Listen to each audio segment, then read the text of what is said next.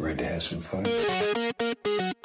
Let's do it. Hallo allemaal en welkom bij weer een nieuwe aflevering van De Makers. Mijn naam is Diede Vonk, ik ben zangeres en actrice. En sinds ik ook zelfstandig muziek en theater ging maken, merkte ik net als veel van mijn collega-makers dat ik tegen een aantal dingen aanliep.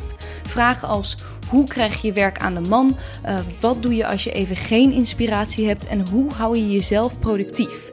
Daarom ben ik deze podcast begonnen waarin ik elke week een inspirerende maker interview en vraag hoe zij dat doen: leven en ondernemen in kunst en cultuur. Vandaag spreek ik Anne V. Kops. Ze is zangeres en muzikant en samen met haar broer Felix maakt ze de mooiste muziek en video's, vaak met een maatschappelijk thema. Momenteel zijn ze bezig met het album Riaspora. Daarvoor reizen ze de door slavernij ingezette diaspora van hun voorouders af in tegengestelde richting. Van Nederland naar Aruba, Curaçao, Suriname, Afrika en als laatste stop China.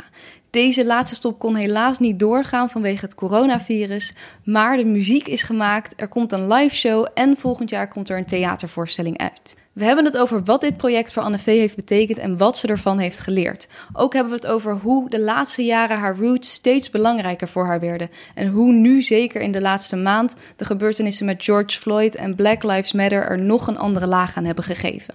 Ook hebben we het over de switch die ze maakte van danseres naar zangeres en bespreken we de zakelijke en soms lastige kanten van de muziekindustrie en het makerschap. Heel veel luisterplezier, hier is Anne V. Ik ben uh, Anne V en ik maak uh, muziek en beeld en voorstellingen. Ja. Mhm. Ja, en voorstellingen is misschien niet zo wat. Ja, shows, voorstellingen. Shows met muziek. Met muziek. Ja, en precies. dans en dingen. Ja. Ja. Ik ben nu alweer helemaal aan het twijfelen. Oh ja, wat doe ik nou eigenlijk precies? Ja. Het is eigenlijk altijd zo moeilijk, hè? Ja. Om het even zo kort te moeten samenvatten Ja. wat het is. Heel lastig. En ik vind het ook wel leuk dat het juist tegenwoordig is het ook dat het is niet allemaal. meer zo puur één ding, maar juist crossover vaak. Precies. ja. Cool. En bij jou, eh, ik wil even terugkijken naar hoe jij bent begonnen en eh, Mhm. naar hoe je gekomen bent tot waar je nu bent. Eh, want je bent in 2018 solo gegaan met je eigen muziek. Ja. ja. Maar je bent eigenlijk oorspronkelijk begonnen als danseres. ja. Hoe, Ja. ja, hoe is die switch gemaakt van de Ehm, dans naar de muziek? Ik denk, ik studeerde in 2011 af als danser. En toen deed ik wat dansdingen hier en daar. Maar omdat, ja, de markt is gewoon super klein voor dans. In Nederland zijn er al vijf of zes dansopleidingen. Terwijl we Ja. maar een heel klein land zijn natuurlijk. Dus de markt is heel klein en er zijn heel veel mensen die het willen. En toen was ik een beetje om me heen aan het kijken, ook al tijdens mijn studie, dat musical ook een, eh, een goede kans zou zijn. En ik was nooit heel serieus met zingen, moet ik zeggen. Maar toen begon ik dat wel een beetje te doen. En wat audities gedaan. En uiteindelijk eh, als stage heb ik een dinnershow gedanst op Aruba. Bijna tien maanden lang, zes shows in de week. Heel Tien commercieel. maanden lang. Ja. Wow. Zes shows per week. En ehm, toen kwam ik terug, toen studeerde ik af.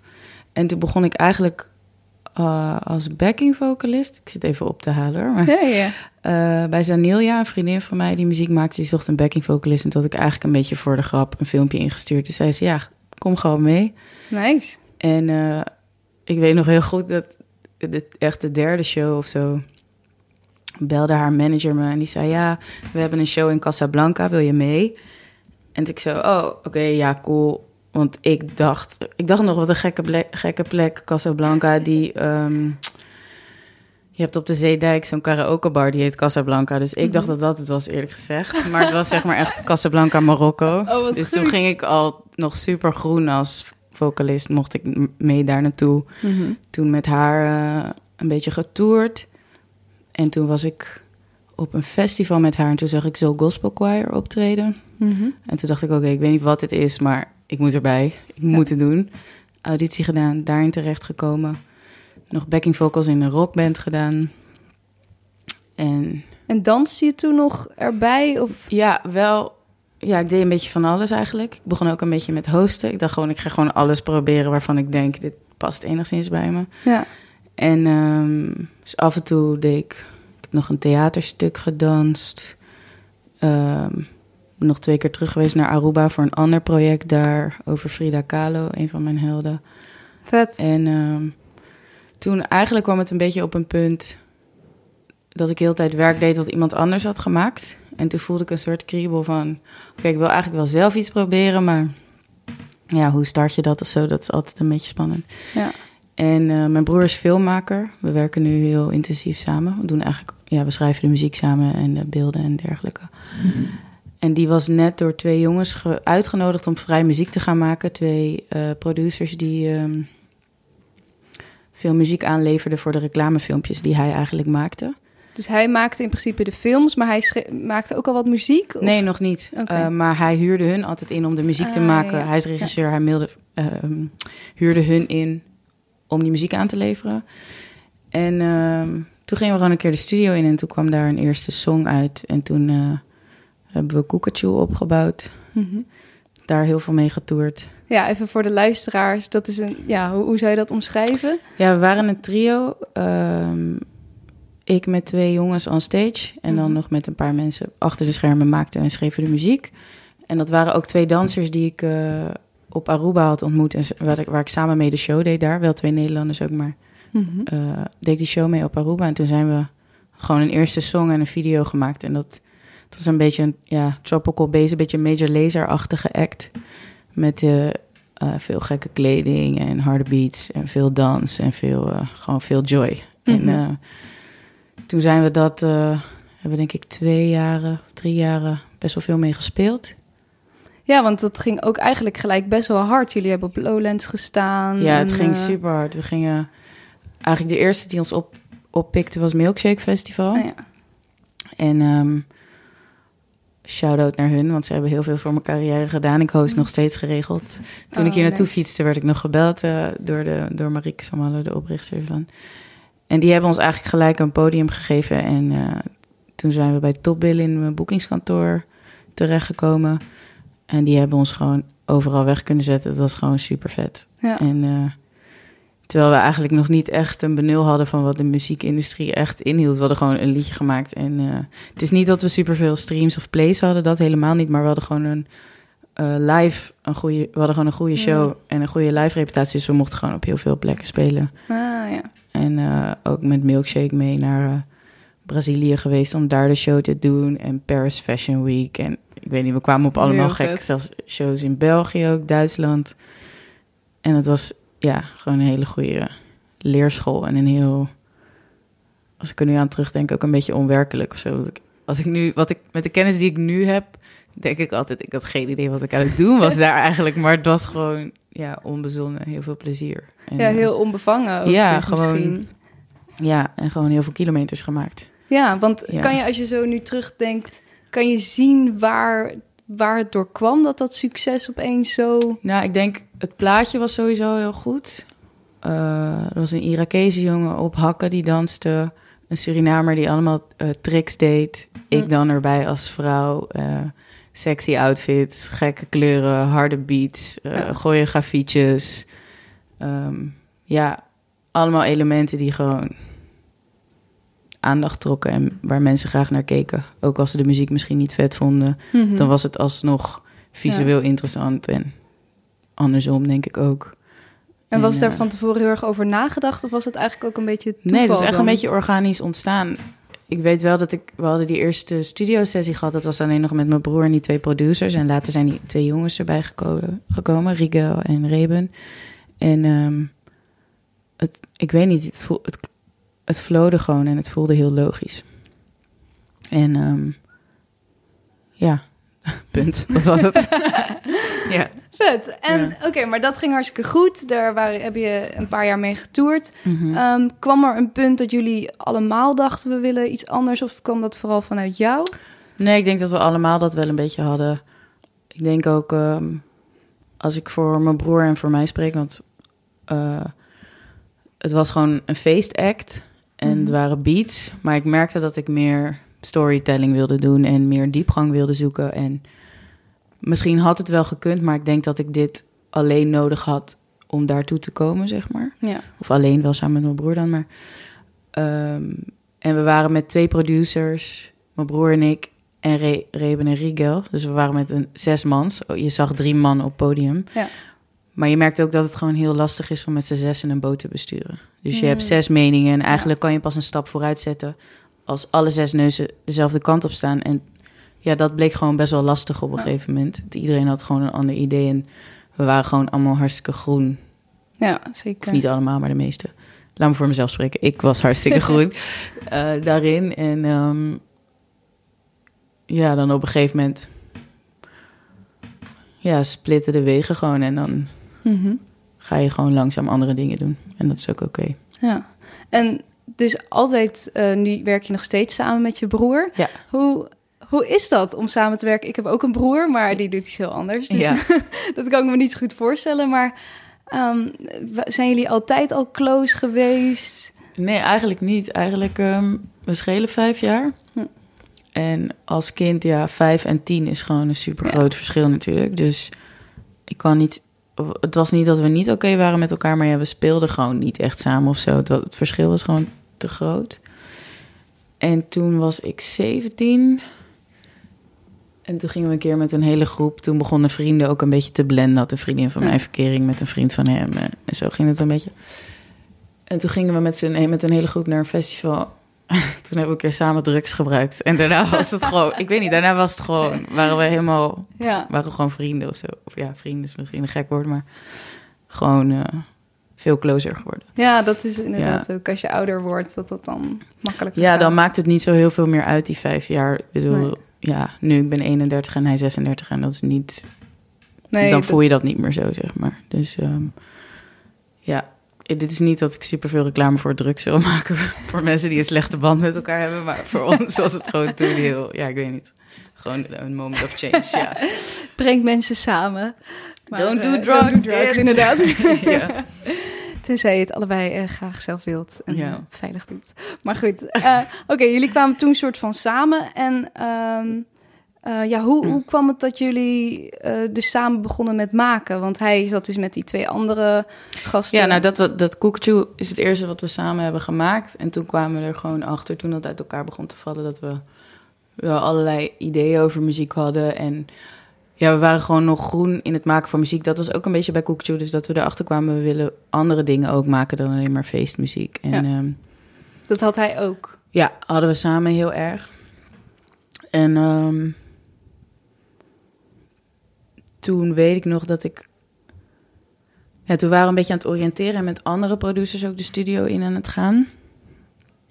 En ehm, toen waren we met Mihai de studio ingegaan en hebben we Rise gemaakt. Dat is eigenlijk mijn eerste release als solo-artiest. Mhm. Nee, sorry, mijn tweede release. Ehm, maar die haalde zoveel uit mijn stem wat ik zelf nog niet had leren kennen. Hij haalde dat Ja, uit. ja. Ah. Ja, want ik, ja, soms ben je gewoon... Het is ook zoeken naar je sound en wat je kan met je stem. En Zeker. hij, eh, ik weet niet, hij, geeft al, hij creëert zo'n vibe in de studio en eh, helpt je op zo'n manier dat er gewoon. Oh, wat vet. eh, Want je haalt daar inderdaad echt super mooi, mooi en hard uit Ja. in dat nummer. Ja, dat had ik eigenlijk nog nooit. Ik had veel meer ingetogenere vocalen en veel meer. Ja, niet dat in ieder geval. Dat had ik nog niet zelf bereikt. En dat was de eerste sessie met hem. kwam dat gelijk daaruit. En Koekatjoe was een beetje zo uit elkaar aan het flowen. En eh, daarvoor had ik eigenlijk nooit gedacht dat ik solo echt eh, dat zou kunnen. Dat ik goed genoeg of interessant genoeg was Ja. om solo echt iets te dragen. En toen ik die sessie had gehad, ik wilde die avond heel de tijd die opzet met die shouts terugluisteren. En dacht zo, oh mijn god, ben ik dit? Ik klink zo vet, wat is dit? en dat heeft me gewoon vertrouwen gegeven om verder te gaan maken en eh, om een stap naar solo te zetten. Mm. Wat Ja. tof. Dus hij heeft dat echt wel ja, een Ja. beetje geholpen om dat uit je te ja, krijgen. zeker weten. Zeker Dus het is in zo'n sessie dus niet zo dat jij iets geschreven hebt en je brengt dat daar naartoe? Of Nu wel soms, maar eh, die eerste sessie was eigenlijk gewoon een ontmoetingssessie met een nieuwe producer die ik nog niet kende. ja. Dus ik ging met Felix, mijn broer heet Felix, daar naartoe. En ik weet nog, de avond daarvoor hadden we een, een eh, borrel van Top Billing gehad van ons boekingskantoor. En we waren echt super hangover. Dus ik dacht nog, oh, dit is echt... Kom ik daar aan bij die guy? En, oh, het is schandalig. En toen was het echt een van de beste sessies. En ik merk dus ik nu vaak, als ik juist moe ben... of een beetje, ja, soms hangover of something... dan... ehm, dat maakt het meestal eigenlijk nicer dan als ik eh, super uitgerust ga schrijven of zo. Het is best wel, ja, Oh, best wel gek. Ja. En waar, waar zit het hem in? Is dat dat je dan gewoon ontspannender bent of zo? Of? Ja, ik, ja, dat denk ik. ik. ik weet niet precies waar het... Ik, dat, zou- ik, ja, dat je dan gewoon minder ehm bothered bent of zo. Of minder... Ik denk ontspannender. Of Ja. min, ja, je geeft minder of zo. Of je bent gewoon zo relaxed. Ik kan het me ergens wel voorstellen hoor. Dat je inderdaad juist ehm, ja, wat minder tijd hebt om na te denken of zo. Precies, minder, in energie je en hoofd. tijd om gewoon ja. zo... Oh ja, ik ga nu dit doen. En, ja, eh, en oh, ja. is dit wel goed? Of, ik Ja, veel, ik denk dat je- dat het is, maar ik, ja, Dus Ja. gewoon altijd hangover. gewoon veel drinken, veel drugs. Nee, helemaal. Ik, dit, nu klink ik echt alsof ik een soort alcoholist, alcoholist ben en heel veel drugs gebruik, wat helemaal niet zo is. Maar ja, het, Nee, maar- het werkt wel voor some reason. Ik, ja. Ik denk ook dat soms, of dat dat best wel een ding is wat bij meerdere artiesten is, dat je ook in je hoofd kan gaan zitten. Ja. En dat dat misschien helpt om dat een beetje los te laten. ja, want daar heb ik wel heel veel last van hoor. Dat ik veel te veel nadenk en dan mezelf helemaal blokkeer. En helemaal, Ja. dan denk ik, alles wat er in me opkomt is kut. En, ik, eh, en dan in die vibe heb je dat minder of zo, als je al vermoeid bent. En eh, Ja. dan ben je meer, ja, ja dat.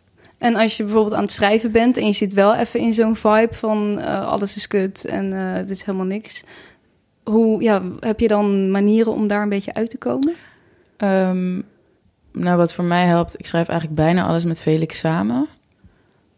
En ehm, dat helpt gewoon goed. Ja. Want dan heb ik hem misschien een verse geschreven en hij een chorus. En dan voegen we het samen. Of hij verandert één woordje, waardoor het weer beter doorloopt daarna. En dan denk je, oh ja, ja, dan ga je weer verder. Ja. Dus dat, dat doet me wel eh, goed om met iemand, met iemand samen te schrijven. Maar is ook een zoektocht naar met wie werkt het. Mhm. Want ik heb ook in de zoektocht naar producers ook wel heel veel ongemakkelijke sessies gehad. Zodat je helemaal gaat twijfelen aan jezelf. Ehm, ja, wat ben ik nou eigenlijk aan het doen? Ik kan het helemaal niet. Wat probeer ik hier? En dan kan je een week later met iemand anders de studio ingaan... en dan klikt het gelijk en dan komt er iets Ja. tering vets uit. En dan denk je, oh ja, dit is helemaal niet... Dat hoort er gewoon bij, want je kan helemaal niet... Je gaat niet met iedereen eh, klikken en met iedereen gelijk iets moois maken. Met sommige mensen klikt het gewoon niet. En dan Nee. moet je dat ook gewoon accepteren en verder zoeken. En heb je een soort van gemeenschappelijke deler gevonden van met wat voor soort mensen het klikt? Of wat voor eigenschappen dat zijn? Mm. Nee, ja, ik kan. Ik, heb, ik vind het moeilijk als iemand heel eh, droog is en weinig feedback geeft, zeg maar. En Ah, ja. heel. eh, de vibe moet wel nice zijn of zo. Dus ik kan niet als iemand. Wat dan vaak ook aan mezelf ligt, maar als diegene heel gesloten is, bijvoorbeeld. En. eh, voel, ja, dan, dan merk ik dat ik me helemaal ga zitten afvragen. Oh, Ja. wil hij wel hier zijn? Of zei ik net iets raars? Of dan ga ik in Ja. dat zitten in plaats van gewoon te denken... laat me gewoon schrijven hier en we kijken wat eruit komt. En dat gaat wel gaandeweg beter nu ik langer bezig ben. Maar daar, daar ben ik wel gewoon gevoelig voor altijd geweest. En denk ik dat ik altijd ook wel enigszins zal blijven. Ja. ja, dat kan ook gewoon weer een, een- kracht zijn, denk ik, uiteindelijk. Dat dat, Hoe bedoel je? nou ja, ik denk dat, dus dat best wel veel artiesten dat hebben. Dat je, Ja, Ook- dat is, ja, dat is ook wel zo. Want soms denk je...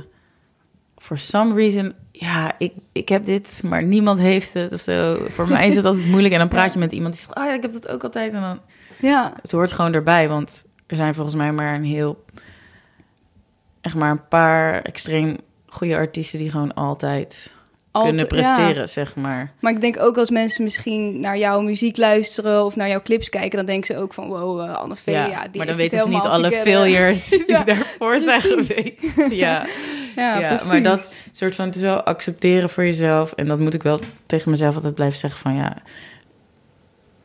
we falen gewoon ook super vaak en dat is oké. Mhm. zeg maar. Veel forward. Gewoon Ja. blijf gewoon shit proberen. En een heleboel is niet goed. En dat is ook oké. En dan. Ik ben sinds een jaar zelf ook een beetje aan het produceren. Op het album waar ik nu aan werk, heb ik Oh, twee nice. liedjes zelf geproduceerd. En dat was ook omdat Mia, diezelfde producer, tegen me zei: Ja, je moet nou gewoon zelf gaan produceren. Je lult veel te veel. Je wil dit, je wil dat. Je bent onduidelijk. Wat wil je? Ga zelf produceren, dan kan je het. Mm. En eerst dacht ik altijd, ja, dat kan ik helemaal niet. Waar slaat het op? Wat ben ik aan het doen? En toen heeft een vriend van me gewoon Logic op mijn computer gezet. Ik heb een mic gekocht en ik ben gewoon dingen gaan proberen. En ik denk van de honderd dingen die ik heb gemaakt, komen er nu twee op mijn album. En de rest is ook rubbish. Of misschien zit er wel iets Mhm. tussen wat nog iets zou kunnen worden. Maar Ja. er zit wel veel rotzooi tussen. En dat moet je jezelf dan ook gewoon gunnen om lelijke shit te maken. En dan, Mhm. want soms ben je ook zo, ben je s'avonds iets aan het maken. En dan ben je helemaal, oh, dit is echt, dit is fantastisch. En de volgende dag luister je het en dan Hmm. schaam je je voor jezelf, zeg maar. Ja, dat, dat is gewoon, Ja. dat moet je gewoon, ehm, dat is oké. Ja. Zo, dat moet je gewoon tegen jezelf zeggen dat het oké is of zo. Want anders durf je niet die fouten te maken of die lelijke dingen te maken of wat dan ook. Ja, en dus Ja. juist het ook gewoon echt heel veel doen Ja. om, eh, om uiteindelijk op een aantal dingen te komen die vet zijn. Ja, Want dat is misschien ook wel een ding dat, dat nu mensen zo'n soort van één nummer maken en dat moet dan geweldig zijn. Maar ja, ja. zo was het bij mij met Cookie Tune. Dan hadden we één ding gemaakt en dan gingen we daar super lang mee bezig. En, en eigenlijk moet je gewoon veel meer maken. Ik bedoel, er, zijn, er zullen ook ongetwijfeld mensen zijn die gewoon in één keer steeds iets goeds kunnen maken. Maar Ja. ik ben eh, definitely niet eh, een van hen, helaas. ja, maar dat is ook niet erg. Dat, eh, dat zal vast niet iedereen hebben. En ja. inderdaad, gewoon lekker veel maken. En ook zeker met zoiets als als je zelf gaat leren produceren. Dat, ja, dat is ook nog een zoektocht. En Ja. ja, ja dat, dat, dat duurt even. Ja, Dus gewoon lekker proberen. ja, zeker weten. Cool. Ja. En ehm, nu ben je dus twee jaar verder. Je bent Mhm. twee jaar solo. Ja. Ehm, zijn er dingen die je, die je hebt geleerd over jezelf? Ehm, wat ik heb geleerd over mezelf. Nou ja, dat er altijd gewoon. eh, dat je gewoon forever kan blijven groeien of zo. Dat misschien niet eens per se over mezelf, maar gewoon in general. Van. Er is altijd ruimte om weer iets te leren. En. Nee, ik denk wat ik voor mezelf echt heb geleerd, is dat met dat produceren, dat ik gewoon. Ik heb een soort mechanisme dat ik altijd bij voorbaat denk dat ik iets niet kan. En dat heb ik nu echt veranderd bij mezelf. Dat ik gewoon eerst dingen ga proberen voordat ik ga beslissen of ik het wel of niet kan. En daar ben ik wel heel blij mee. Want met dat produceren, als, als ik daar tien jaar geleden al mee was begonnen, snap je? Dat, en toen heb ik gewoon gezegd, ja, dat kan ik niet, punt. Deur Mhm. dicht. En ik moet, dat is gewoon iets wat ik niet geleerd heb, maar afgeleerd om zo te denken, zeg maar. Ja. Ja, en dat, daar ben ik wel heel blij mee. Dat geeft ook een soort van perspectief voor de toekomst of zo. Dat je eigenlijk alle kanten nog op kan, bewijs van. Wat vet. Dat is echt een mooie filosofie inderdaad. Ja, daar ben er, ik ook wel echt blij mee. ja. Ja. Zijn er dingen voor de toekomst waarvan je denkt... dat ga ik dan ook nog proberen? Nou ja, ik ben nu gewoon met dit album bezig. En er, ik heb nog een idee voor een volgend album. Ehm, nee, ik heb nog niet een heel concreet, concreet iets nu. Maar oh, ik heb er ook gewoon vertrouwen in dat dat dan wel komt of zo. Ja, Dat dan popt er wel niet- weer iets op. Ja, er, ik heb nu in de quarantaine voor het eerst twee voice-overs ingesproken bijvoorbeeld. En ehm, dus het voelt echt als je je geest open houdt en ruimte houdt voor die verandering, ontwikkeling of wat het dan ook is, dan komt het ook. Ja. Maar als ik me ervoor afsluit, ja, dan ga ik ook nooit kunnen produceren, zeg maar. Nee, Overigens niet dat ik nu een fantastische producer ben, hoor, dat ik bedoel. Maar ik heb gewoon een stap erin gemaakt en Mhm. het kan gewoon, zeg maar. Ja. En eh, laten we het even hebben over jouw album waar je nu mee bezig bent. Dat is nu door corona allemaal een beetje... Ja, Ja, Even een beetje, nou ja, het proces is nog steeds gaande, maar de releases zijn uitgesteld en de show, ja, 20 shows gecanceld oh my god. deze zomer. Dus dat was wel eventjes zuur. Maar eh, ja, het album eh, heet eh, Riaspora.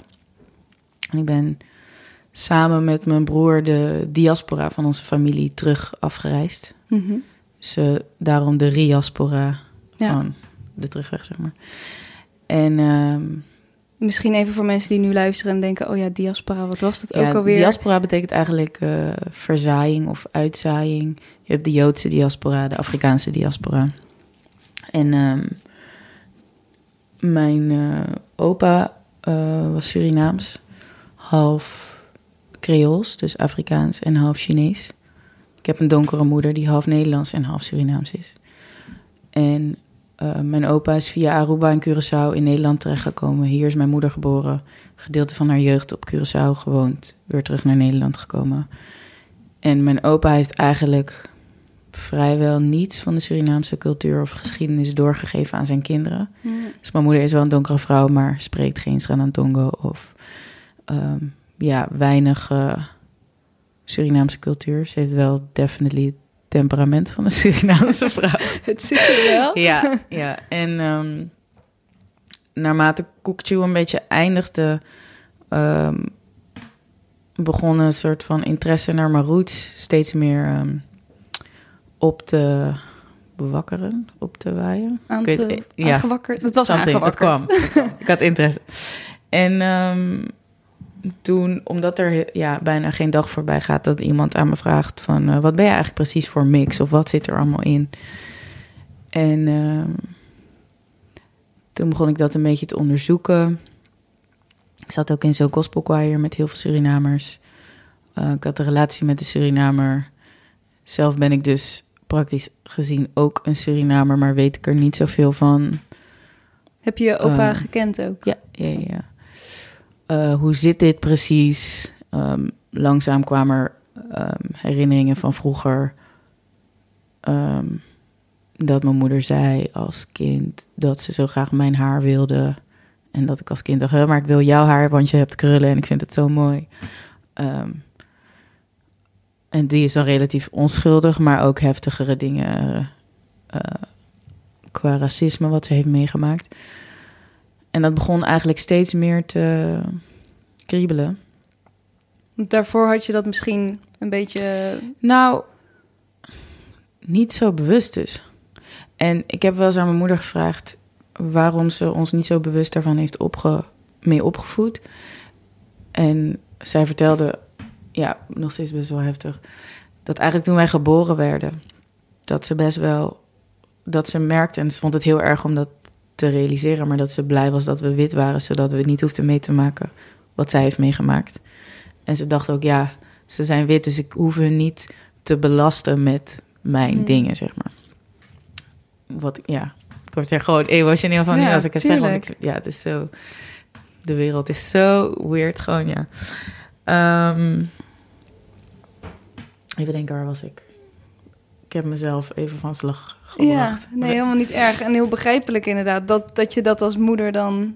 Ja, het is super Ja. begrijpelijk. En ze zegt ook, ik vind het zo erg dat ik dat dacht. Maar Ja. het, ik dacht het gewoon, dus ik kan het ook Ja. niet ontkennen of zo. Maar het zegt ik ook iets over het. wat zij dus Ja, wat zij heeft meegemaakt. En ook iets over haar moederliefde voor haar kinderen. Want je, ja, iedere moeder wil gewoon het allerbeste voor zijn kinderen natuurlijk. Ehm, ik ben echt even last waar, wat ik aan het zeggen was. Nou ja, of je het bij jezelf dus een beetje... Of, nou, dus niet ja, of ik was niet zo bewust ermee. Er kwamen wel... Ik wist het wel, maar omdat mijn moeder dus niet heel erg daarmee bezig geweest in ons, is in onze opvoeding. Ik weet wel bijvoorbeeld een keer dat ik twaalf was. En toen waren we... Want ik heb familie op Curaçao en op Aruba.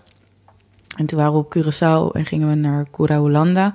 ehm, een museum over de slavernij daar. En ik was twaalf en ik was aan het puberen en ik had helemaal geen zin om in een museum te zijn. En toen weet ik nog dat mijn moeder mijn arm heel stevig vastpakte en ze zei iets van dat ik nu respect moest hebben, want dit ging over mijn voorouders. En toen was ik zo, hè, waar heeft het over of zo? En dan dacht ik, toen zag ik haar, dan dacht ik, oh ja, ja, oh ja, mijn moeder is wel donker. Oh ja, dit is hoe mijn opa eruit zag. Wow, oké. En zulke momenten zijn er best wel geweest natuurlijk, maar om er echt zo bewust mee bezig te zijn en de waarde ervan te voelen, dat is pas veel later gekomen. Hm. Ja. En denk ook omdat ik toen door zo'n gospel choir en de relatie die ik toen had, dan maak je ook racisme mee. Ehm, vanuit de bijrijdersstoel uiteraard, maar dus dan wordt het ook meer een ding. En mijn moeder hield dat toch een beetje verborgen voor ons of zo, om ons er niet mee te belasten. Dus ja, dat begon een beetje te die roots. Ik wilde gewoon weten hoe het zat. Ja. En ehm, toen ben ik dat een beetje gaan onderzoeken.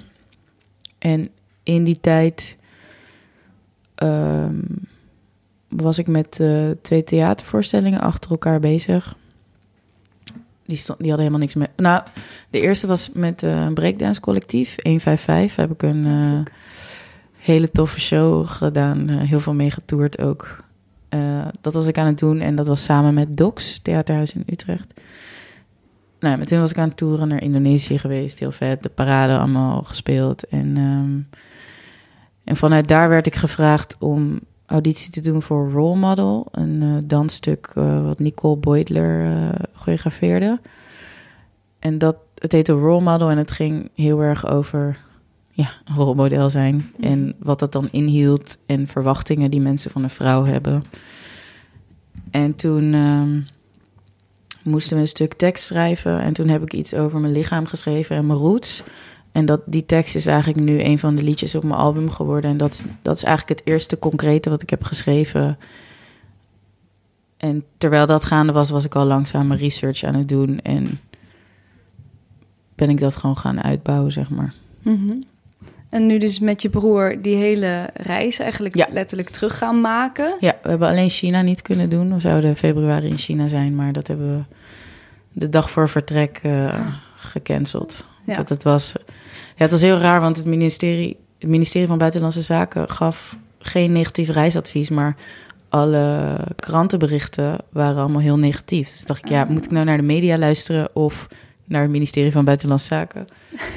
maar uiteindelijk last minute kon ik het eh, geld terugkrijgen van de tickets en eh, we besloten om niet te gaan, want het was ja, Goede keuze geweest. ja, ik denk ook niet als we daar waren geweest dat we veel hadden kunnen doen. Want het ging daar al langzaam op slot. Dus, eh, maar we zijn vorig jaar juli naar eh, Aruba en Curaçao geweest. Oktober naar Suriname en december naar Ghana. En eh, daar overal eh familie-research gesta- gedaan. Geschiedenis-research in... eh, eh, naar de plantage geweest waar mijn voorouders hebben ge- vandaan kwamen. Allemaal familie ontmoet die we nog niet kenden. Ah. En heel veel geleerd. En me heel bewust geworden van hoe wit ik eigenlijk ben.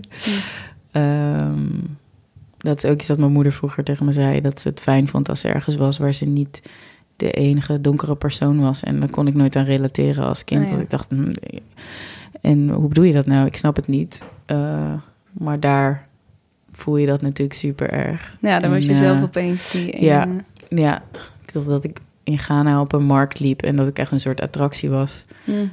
Eh, en ja, dat maak je als wit persoon in Europa niet mee natuurlijk. Dus dat is...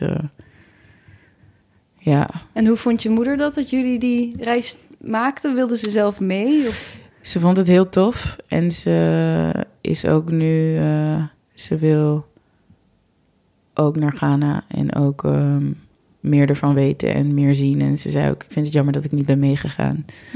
Ehm, maar ze vindt het... Ja, voor haar is het een soort ultiem cadeau dat haar kinderen samen dit soort dingen doen. Dus ja, Ja. zij vindt het te gek. En mijn vader vindt het ook te gek. Dus ja.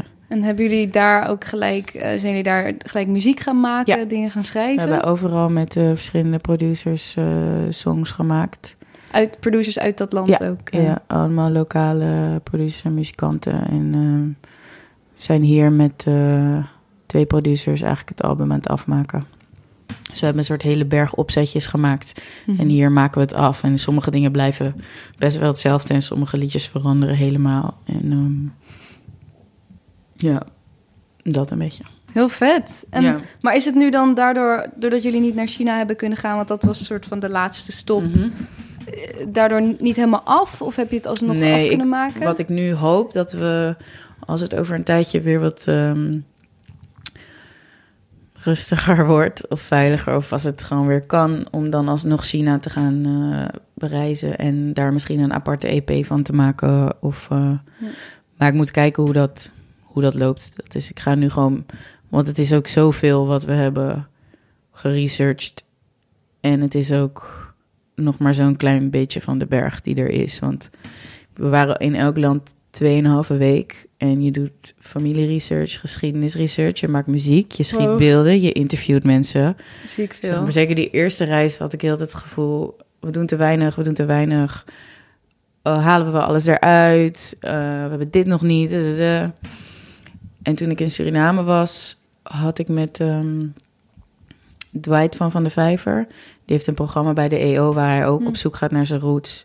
En die vertelde dat ze daar met twee producers, een geluidsman, een cameraman en een hele crew waren. En toen zei mijn broer ook, ja, wij doen het gewoon met z'n tweeën, zus. Dan eh, hadden we wel dat we daar een cameraman inhuurden om, de, eh, om te helpen en dingen vast te leggen. Maar ja, je produceert onderzoek, je doet eigenlijk alles en je doet het in twee weken. Dus als ik terugkwam van zo'n reis, was ik ook echt helemaal uitgeput. Want het zijn zoveel indrukken. Inderdaad. Je moet ook nog de verhalen verwerken en met je broer spreken, omdat hij sommige dingen weer heel anders interpreteert dan Mhm. jij. En dus ja, ik, ik, ik ben super blij al wat ik heb ge, nu al heb gevonden en Ja. wat ik heb geleerd en wat ik heb kunnen maken.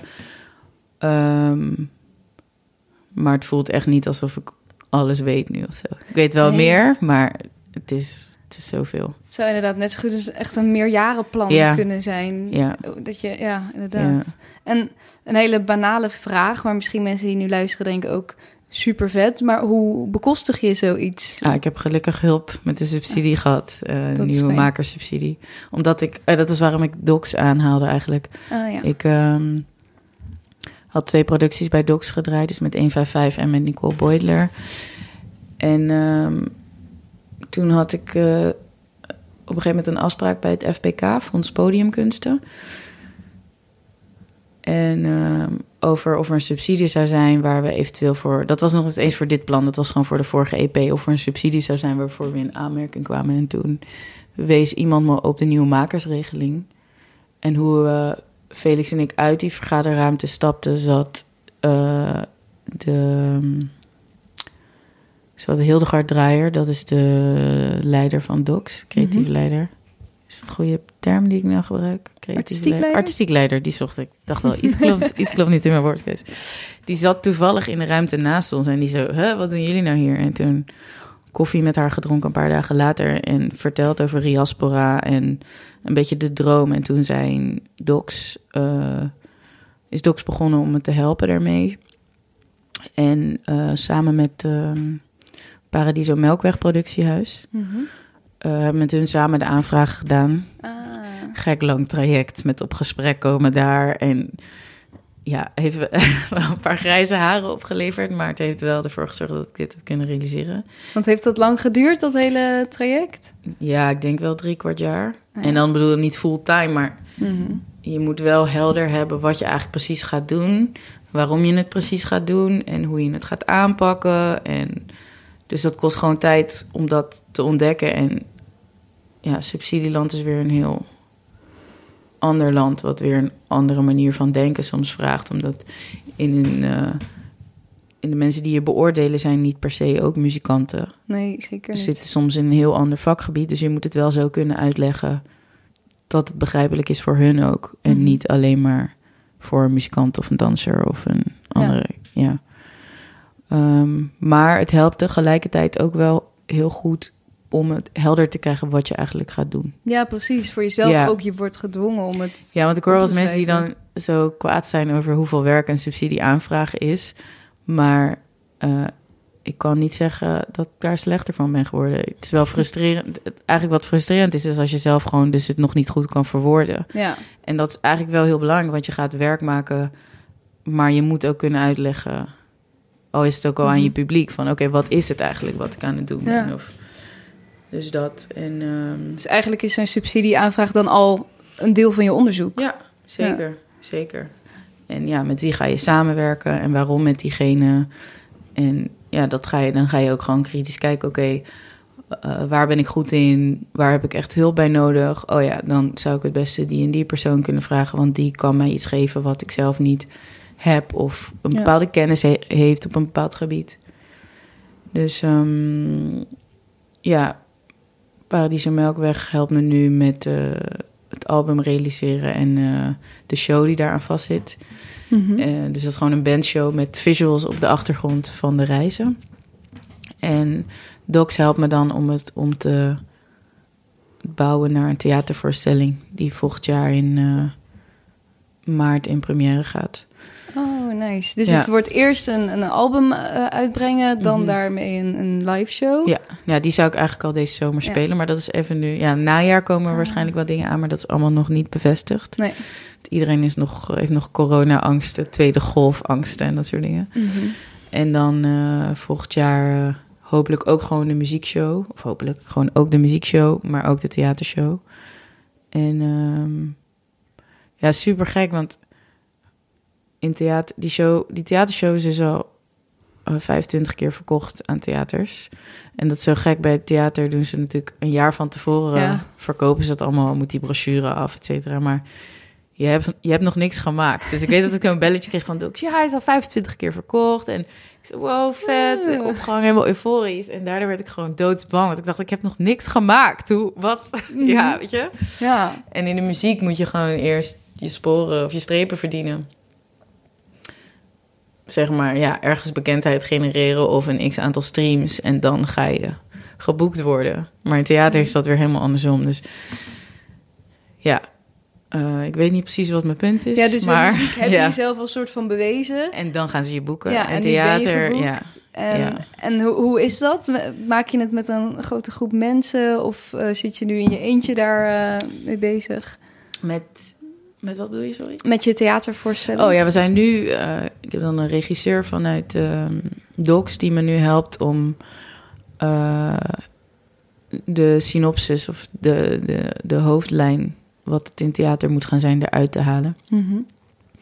En dat vind ik nog best wel moeilijk, omdat het, het is zo gelaagd wat we hebben gedaan en bereisd. Dus wat wil je ervan overbrengen in een uur? En je kan zeggen, ja, ik wil alles, maar dat werkt gewoon niet. Nee. Dus daar zijn we nu erg aan het kijken van...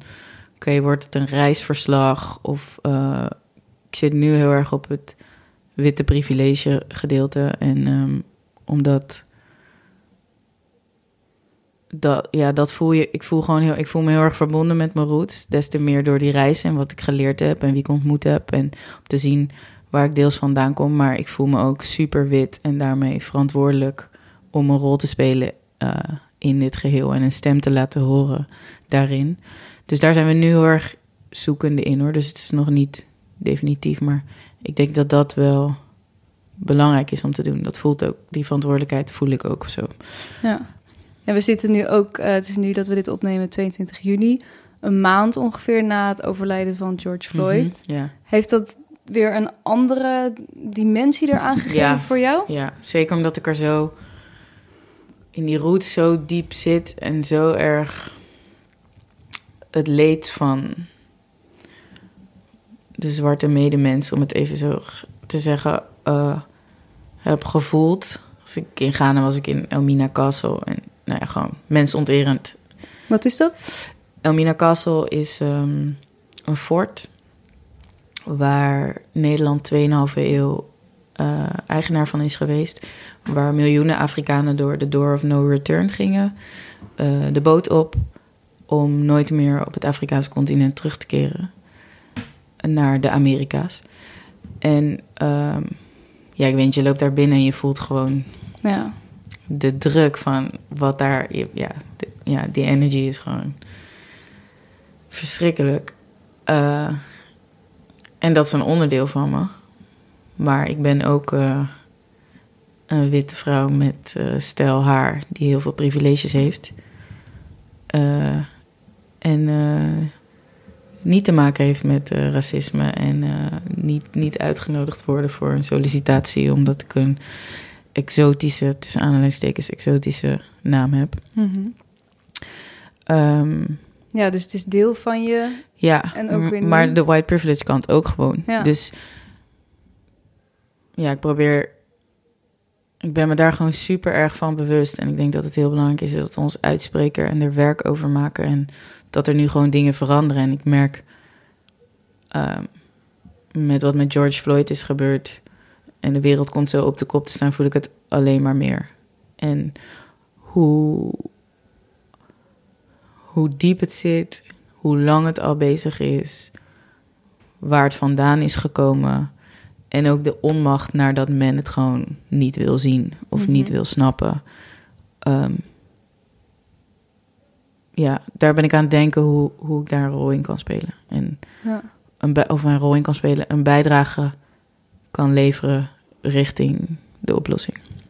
ja, Richting de oplossing, klopt dat? Ja, denk het wel. denk het wel. In ieder geval in dat het beter wordt. Of dat het, ja. Maar ik, ik heb wel echt het gevoel dat er verandering in zit nu. Ik denk dat het nog wel heel lang gaat duren. Ik denk dat jij en ik dood zijn als het echt weg Mhm. is, laat maar zo zeggen. Ja. Maar ik denk wel dat er nu echt stappen gemaakt worden. En Ja, zeker. Ja. dat, Ligt ook weer aan in welke bubbel je zit misschien. Dat Absoluut. er natuurlijk ook nog heel veel mensen zijn die er helemaal niet mee bezig Ja. zijn. Is het dus ook iets wat je dus eigenlijk wel in je theatershow graag mee wil geven aan de mensen die Ja. er zitten? Veel Ja. van het theaterpubliek is vaak wit, soms ook Mhm. vaak ouder. Ja. En, ik denk het wel, ja. Ik, ik denk dat dat... eh, Ja, het is lastig omdat ik nu nog zo in die... Oké, wat gaan we precies doen? zit. Maar ik denk dat dat wel het allerbelangrijkste is op dit moment. Dus ik, ik zeg nu ja. ja. My final answer, ja. Ik ben heel Ja. benieuwd wat het, wat Ja, het gaat ik ook. worden. doodeng. Heel veel zin in en doodeng tegelijk. Maar ik weet wel, het album, het is nog niet af, maar ik ben nu al zo trots erop en wat het aan het worden is. En eh, ik denk dat het het tofste is wat ik ooit gedaan heb. Of tot nu toe in ieder geval. Wat goed. Dus ja. En wanneer kunnen we het gaan horen? Ja, het is even spannend nog, maar ik denk dat ik in het najaar mijn eerste single ga releasen. Oké. Maar ehm, ja, ik ben nu in gesprek met eh, aantal partijen van hoe het aan te pakken en wat slim is. Want door corona, we zouden eigenlijk in mei eerst de single uitbrengen. Ja. En door corona hebben we het even on hold gezet. En, ja, dus het eh, is er al wel, maar het grootste gedeelte is af. Ja, ik moet ja. nog een paar dingen eh, van de 13 songs. Ik geloof dat 13 zijn, dan denk ik 8 of 9 af. En de andere nog een finishing touch en een nou ja. wat dingen opnemen. Maar ja, het grootste gedeelte is wel al daar. Dus ik denk het najaar, maar pin me er niet op vast. En hoe zien jouw dagen er nu uit? Hoe, wat, wat, wat, wat doe jij eh, op een gemiddelde dag? Ehm, Ben je elke dag daarmee bezig? ja, Of- elke dag daar wel mee bezig, maar eh, niet altijd met het creatieve. Hm. Sterker nog, hoewel ik hulp heb en partners, ligt gewoon een groot gedeelte van het zakelijke wel bij mezelf. Gewoon ook het regelen en meetings hebben en weet ik veel. Dus vandaag heb ik bijvoorbeeld een meeting gehad over theaterstuk en inhoudelijk. Vorige week ben ik eh, de studio in geweest. Heb ik met eh, een paar vrienden van Zo Gospel Choir een koorpartij opgenomen. Ehm, morgen zit ik heel de dag in de studio omdat we de tracks gaan mixen.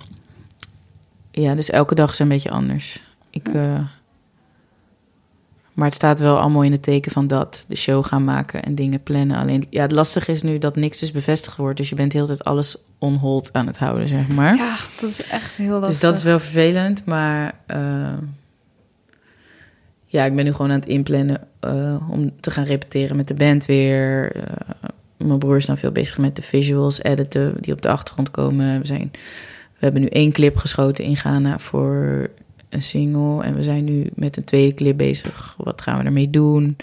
Welke song moet het überhaupt worden? Eh, wat voor video willen we erbij? Mhm. Styling voor de show, weet ik veel. Allemaal Ja, gewoon alles, Ja. omtrent, omtrent, omtrent de show.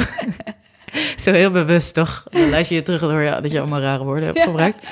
Ehm, Ja, dus, ja, dat het meeste. Want mensen denken inderdaad vaak van... oké, nou, ze zit dan bij Docs of eh, bij allerlei eh, boekingskantoren... dan hoef je zelf misschien zakelijk niet zoveel meer te doen. Nee, Maar ja, tegen- nee, ja. Ik denk het tenzij, ik bedoel, ik ben nog niet een super gevestigde naam... dat ik eh, heel veel omzet draai en allemaal mensen kan inhuren. Dus het grootste gedeelte doe je gewoon zelf. En daarnaast is het ook gewoon lastig. Want ik heb wel één keer een tijdje, twee keer een periode in management gehad. Wel nog met Cookchu, maar het is ook gewoon moeilijk om iemand te vinden die jou helemaal snapt. En dan heel vaak denk je, ja, ik kan toch dit beter zelf doen. Want ik wil Mhm. het op deze en deze manier. En dus ja, wie weet komt er iemand eh, voorbij waarbij dat heel erg klikt. Maar nu voelt het ook het beste om het gewoon zelf te doen. En ik denk dat het ook wel belangrijk is, omdat het je leert hoe de industrie werkt en wat, Mhm. wat er allemaal nodig is en voor nodig is.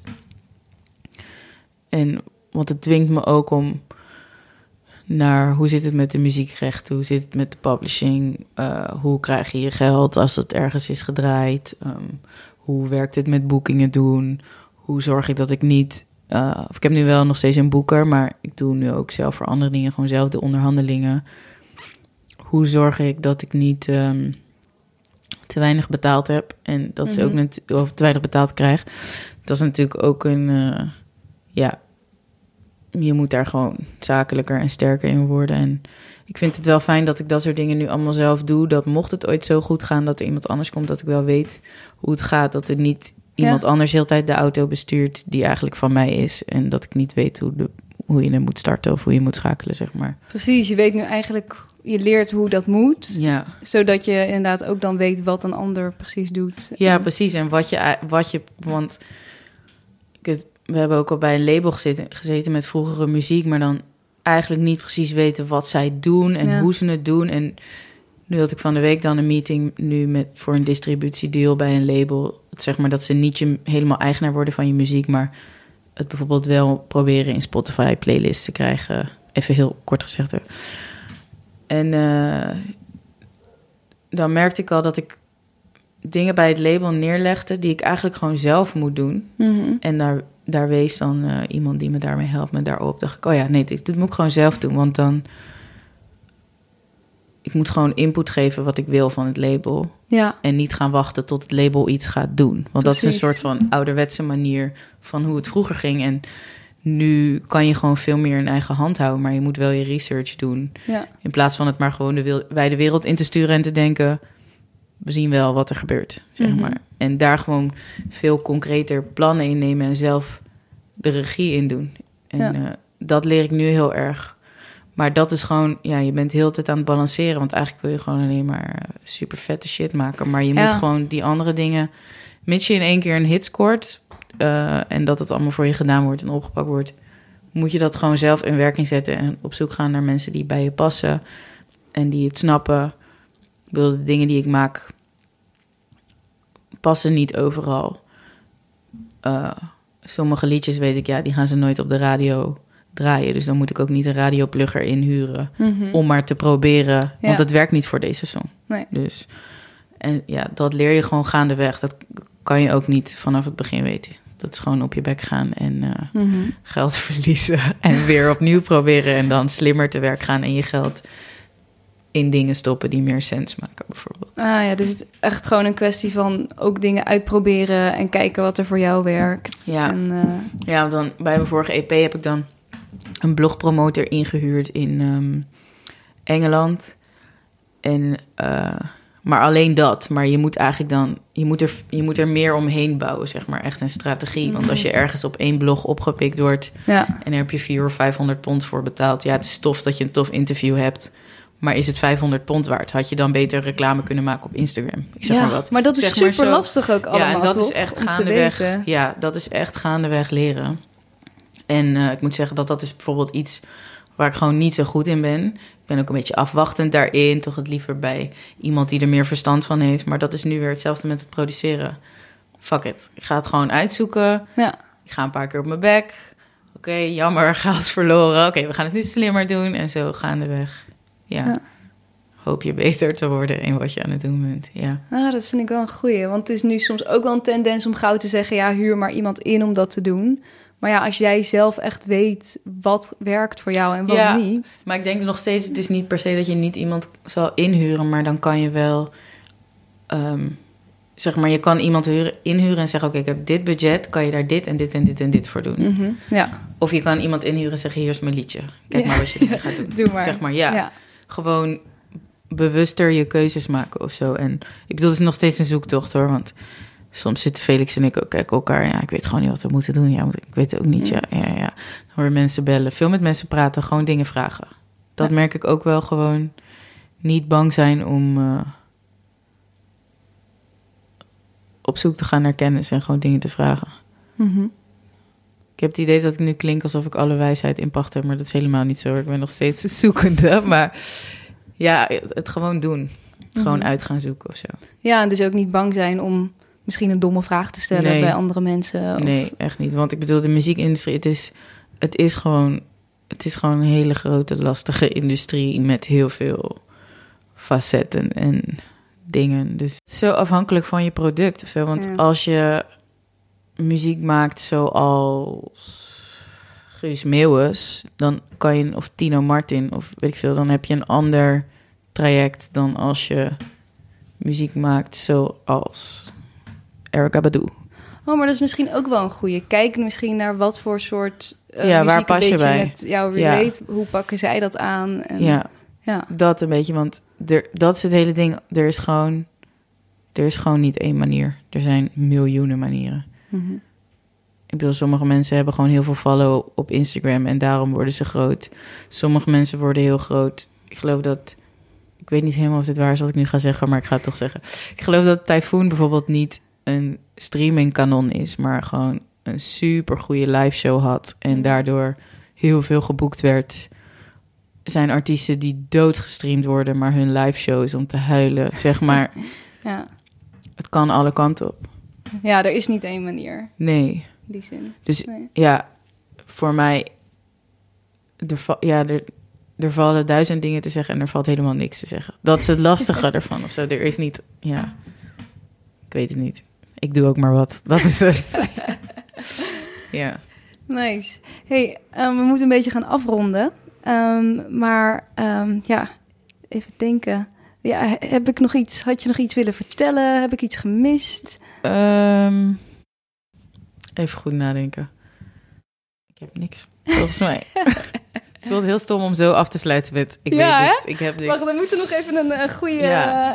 ehm, Nou ja, mocht je me niet kennen en mijn muziek willen checken, kan je mijn EP Onyx and Ivory op Spotify checken of de videoclips die erbij horen op YouTube. Oh, dit voelt echt als hele leme reclame. Mijn gunst. nee, maar je- ja, ik, ik zal het zo ook Ja, nog wel een keer zeggen. Maar het is echt hele vette muziek. Super mooie clips ook erbij. Dus Ja, die shout-out mensen naar ook- Felix, mijn Ja. broer. Die is daar helemaal verantwoordelijk voor, ja. Oh, ik had wel vorige week, of twee weken geleden, een hele coole livestream gedaan in Paradiso. Die ja. kan, kan je terugkijken. En eh, ja, de theatershow, eh, ja, het is slecht. Ik weet echt niet of dat al online staat. Maar je kan eh, in theaters near you vanaf volgend jaar maart. Oké, dit was een hele leme afsluiting. Ik hoop dat de, dat de rest goed genoeg was. Sowieso. Om dit slappe einde goed te maken. Maar in ieder geval, eh, Sowieso. ja, shout-out naar jou voor de uitnodiging. Thanks. Echt Ja. heel tof. Ja, heel erg bedankt Ja. dat je langs wilde komen en wilde vertellen over je mooie projecten. en Thank eh, we gaan het allemaal horen en zien. Cool. Dus dankjewel. Thanks. Dat was hem weer. Ik vond het een heel erg fijn gesprek en vooral heel erg fijn om gewoon weer tegenover elkaar te kunnen zitten en elkaar in de ogen aan te kunnen kijken. Zeker met dit soort heftige onderwerpen als die we vandaag hebben besproken. Heel veel dank Anne Vee. Check haar dus sowieso via de socials. Ik zal het ook zeker even delen als Riaspora uitkomt. Hier mijn takeaways van het gesprek. 1. Vind iemand met wie je fijn samenwerkt. Anne V heeft natuurlijk al sowieso een hele bijzondere samenwerking met haar broer. Maar om het naar een hoger plan te tillen, hebben ze ook met een hele hoop producers samengewerkt. Dat was vooral heel veel uitproberen. Met wie klikt het wel en met wie niet. En als het dan een keer niet klikt, ook niet bang zijn dat het aan jou ligt. Dus zoek iemand die iets uit jou haalt en andersom. 2. Niet meer zeggen dat je iets niet kan. Hoe vaak zeggen we wel niet, dat kan ik toch wel niet, zonder dat je het hebt geprobeerd? Probeer het gewoon. Ga aan de slag. 3. Gun het jezelf om lelijke dingen te maken. Tuurlijk, als je dan een keer iets nieuws uitprobeert, dan zal het vast niet in één keer goed lukken. Maar blijf gewoon maken, blijf proberen. Als je één keer in de maand iets maakt, dan ligt er misschien heel veel druk op dat dat echt dat ene supergoed moet zijn. Maar als je honderd keer in de maand iets maakt, dan is die druk misschien wat minder en ga je wat ontspannender creëren. 4. Blijf zelf aan het roer staan. Het is helemaal niet erg om op een gegeven moment mensen erbij te vragen. Maar zorg dat je wel weet wat die distributeur of manager of wat dan ook precies doet. Is het het wel waard en doet diegene het wel op een manier die bij jou past? Als je zelf beter weet wat jouw werk nodig heeft, weet je ook beter wat je aan een ander over kan brengen die misschien die taken over gaat nemen. 5. Als je het even niet weet, bel mensen. Vraag het mensen gewoon. Wees niet bang om domme vragen te stellen. De muziekindustrie, maar eigenlijk elke tak van de creatieve industrie is zo breed. Dus het is helemaal niet erg dat je niet alles weet. 6. Nog een kleine bonus tip. Ga eens op zoek naar je eigen roots. Misschien weet je toevallig al dat je ouders al, je voorouders al duizenden jaren in Nederland wonen. Maar wat hebben zij meegemaakt? Hoe zag Nederland er toen uit? Ik merk dat ik zelf op het moment heel veel aan het leren ben over de Verenigde Staten en hoe dat land is opgebouwd. Maar hoe zag Nederland er eigenlijk uit? En hoe hebben jouw voorouders daar misschien een rol in gespeeld? Wie weet kom je wel op bijzondere ontdekkingen die weer als inspiratie kunnen bieden voor je werk. En hoe meer we weten over het verleden, hoe beter, denk ik. Tot volgende week. Vond je dit een leuk gesprek? Abonneer je dan op de podcast en volg de Makers Podcast op Facebook en Instagram.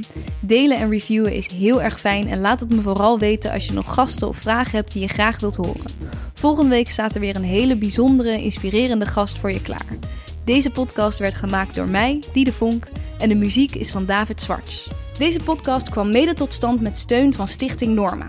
Ben jij uitvoerend kunstenaar en wordt jouw werk wel eens opgenomen en uitgezonden? Meld je dan aan bij Norma.